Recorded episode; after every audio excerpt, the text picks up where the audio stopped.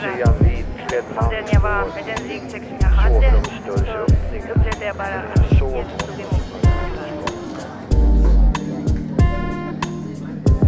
Röster från Sankta Clara med Maj-Lis Johansson.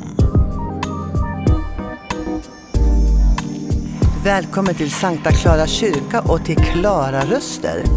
Idag ska jag intervjua dig Börje Ertman och du är 75 år och tjänat Gud i 50 år. Det är inte varje dag jag intervjuar sådana människor. Berätta lite grann om din barn bakgrund när du fann Jesus. Ja, uppväxt i ett eh, småländskt frikyrkligt hem och eh, har nog eh, tjänat Herren i hela mitt liv utan eh, några större Eh, problem. Utan eh, sista åren har ju varit de sista 25 åren när jag har jobbat mycket i Sydamerika, framförallt i Colombia. Eh, men eh, det var en intressant uppväxt också. Så att eh, jag vet inte vad du vill fråga mer om men eh, ja, det var så här att i en liten stuga på landet eh, bodde en mor och en liten dotter på ett år. Pappa jobbade på mentalsjukhuset i angränsande stad och eh, födslovåndorna kom över henne. Och eh, då ropade hon till Gud, måtte komma någon som kan hjälpa mig att föda mitt andra barn. Då knackade evangelisten på dörren och kom in och förlöste barnet. Det var, det var jag det. Sen gick det några år och så var vi tillbaka, jag och min syster, i trakterna. Jag var åtta år och hon var nio. Det var läger. Och på mötet där i tältet så frågade den gamla damen Ska inte du också gå fram och lämna ditt hjärta åt Jesus? Ja, så jag och snyftade där va? och sen gick vi fram. När jag kom hem så berättade jag för mamma då att eh, vad hette hon? Eh, Judit sa jag. Och då för första gången fick jag höra på vem var det som hade hjälpt mig att födas. Så hon var med både vid första och andra födelsen. Vi kallar ju den andra födelsen att bli född på nytt. Och skillnaden på att bli född så att säga fysiskt och andligt är, det kan du berätta själv kanske? Ja, den andra födelsen är oerhört viktig. För den förbereder ju en människa för livet och för evigheten. Och det behöver nog alla människor uppleva. Och jag har de sista åren fått se tusentals människor bestämma sig för Jesus. Och då framförallt i Colombia. Den största glädjen måste vara att föra fram människor till Jesus. Det är många som har berättat det i den här serien. Nu hör vi ju röster bakom oss också här och det kallas för tidebön här i Sankta Clara kyrka som vi har varje dag. Du ber väldigt mycket för du kan absolut inte ha så här mycket framgång annars. Vad är din vanligaste bön och hur ofta ber du just den bönen? Oj då. Jag sätter mig ner och tittar uppåt och säger Gode Gud, förbarma dig över mig, arme stackare. Det är min vanligaste bön. Jag tycker jag är så liten och jag ändå får vara med på ett hörn i viktiga saker som förändrar tusentals människors liv. Du är en brinnande eld kallar jag det för. Och en brinnande eld andligt sett är att vart du än går fram så kan man säga att det knastrar. Eld hörs, eld märks, man dras till elden och det är varmt och det är skönt där. Den här elden som är andlig, det är att du kan inte sluta att brinna. Colombia är ju ditt hjärta. Kan du berätta om en händelse i Colombia som du kanske aldrig glömmer? Det är nog mötet med människor. Eh, de sa innan du startar fotbollsskolorna så alltså, prata med Robert. Eh, vem är Robert? Eh, Hej Robert, vem är du? sa jag. Känner du inte igen mig? sa han. Du har ju döpt mig. Oj då. Eh, när jag var åtta år gammal kom två främmande män i mitt hem och sköt ihjäl min lillebror. På själva begravningen, uppe bland gravarna, kom de på motorcykel och överlämnade en stor blomsterkvast med min lillebrors öron inflätade bland blommorna. Alla förstod min lillebror hade hört för mycket, sett för mycket. Alla begrep utom jag. Jag gick till den stora kyrkan, ända fram till Jesus på korset och svor mina värsta svordomar över Jesus som inte hade räddat min lillebror som jag älskade så mycket. Då kom ett svart mörker. Det kramade om mig och jag höll på att dö. Och detta svarta hemska mörker plågade mig sen år ut och år in. Jag trodde att det skulle lösa sig när jag tog med mig mina kompisar. Vi var bra beväpnade och vi sökte upp de där två männen. Berätta inte, sa jag. Och som vi hämnades. Vi torterade dem till döds. Men det svarta mörkret stannade kvar och det höll på att kväva mig. Men jag var en kallblodig människa.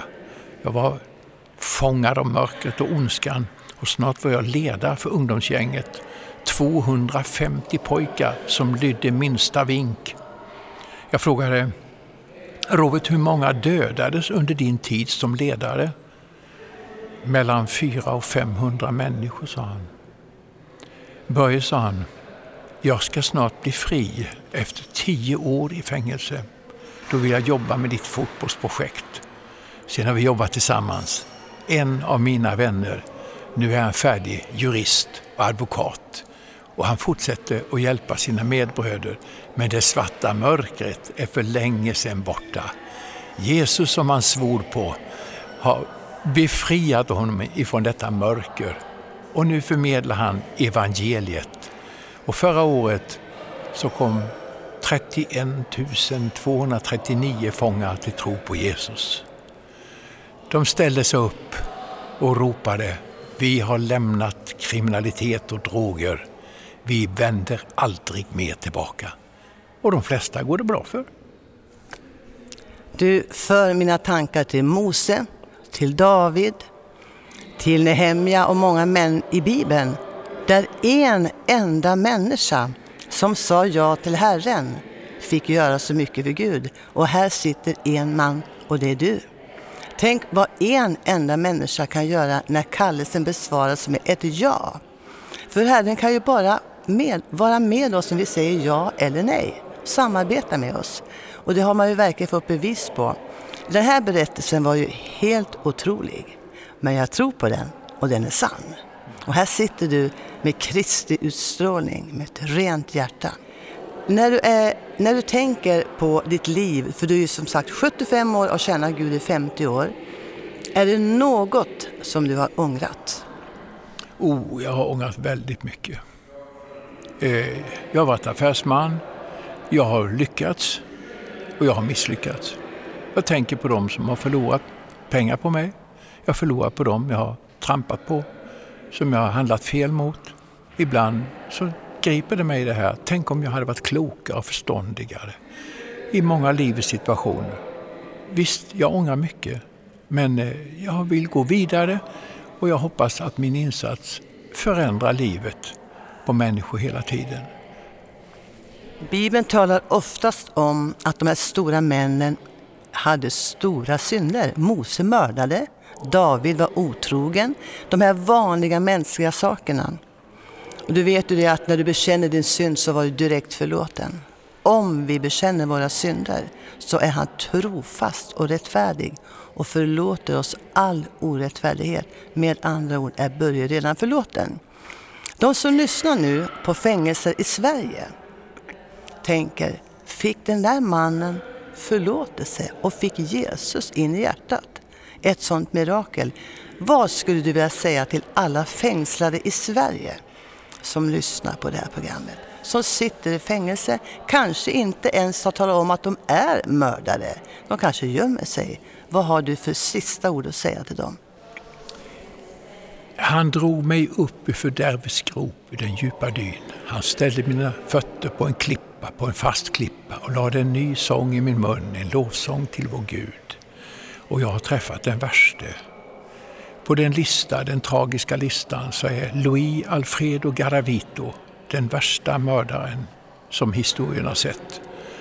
Han sträckte fram sin hand och ville hälsa för, på mig för några månader sedan och jag tänkte, ska jag ta den handen som kanske har mördat 400 småpojkar? Vi hälsade och han sa, idag är jag frid med Gud. Och vem är jag som dömer när Jesus säger du ska vara med mig i paradiset? Han hade fått frid med Gud. Men varför Alfredo Garavito blev det så tokigt? Då säger han, när jag var 12 år blev jag utsatt för ett övergrepp. Jag blev våldtagen och då gick allt fel i huvudet på mig. Mörker gaskramade mig sedan dess och jag begick alla dessa våldshandlingar. Men nu är det skruvat till rätta. Du som lyssnar på det här. Det finns en som kan skruva till rätta.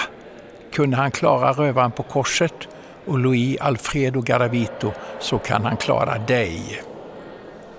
Välsignelse över ditt liv och ditt beslut. Jag vill tacka dig Börje och eh, mina sista ord i min fråga blir att vara i mörker, att vara i depression och känna sig förkastad, misslyckad och eländig har vi många människor i vår värld och i Sverige har vi hur många som helst. Det är inte bara i fängelset man tycker att det är mörkt. Där är det mörkt både fysiskt och psykiskt. Men nu har du gett dem hopp verkligen. När det gäller Sverige, vad tror du om Sveriges framtid? Du får en sista ord en gång till och sen är det slut. Ja, politiskt eh, och materiellt har Sverige det väldigt bra. Alltså, det är ett underbart land att leva i. Det kanske är det bästa land i världen. Men så har vi det inflytandet av tunga, onda krafter som gastkramar en del. Låt oss hjälpas åt och föra ut det glada budskapet om att det finns befrielse, glädje och trygghet. Det finns! Fokusera inte på ondska, nederlagen och det negativa. Fokusera på lyftkraften i Jesu namn som lyfter ur fördärvets grop den djupa dyn. Det är mitt svar. Bed en sista bön. Herre, du känner de som lyssnar och du har en plan för dem. Nu ber vi om lyftkraft i Jesu namn. Amen. Och tack för dig som har lyssnat. Och vi har njutit av att få lyssna på den här mannen. Det finns hopp för varje människa. Tack för att du har lyssnat. Har denna berättelse berört dig på något sätt? Eller kanske vill du att vi ber för dig? Kontakta oss på info snabel-a sverigeskristnaradio.se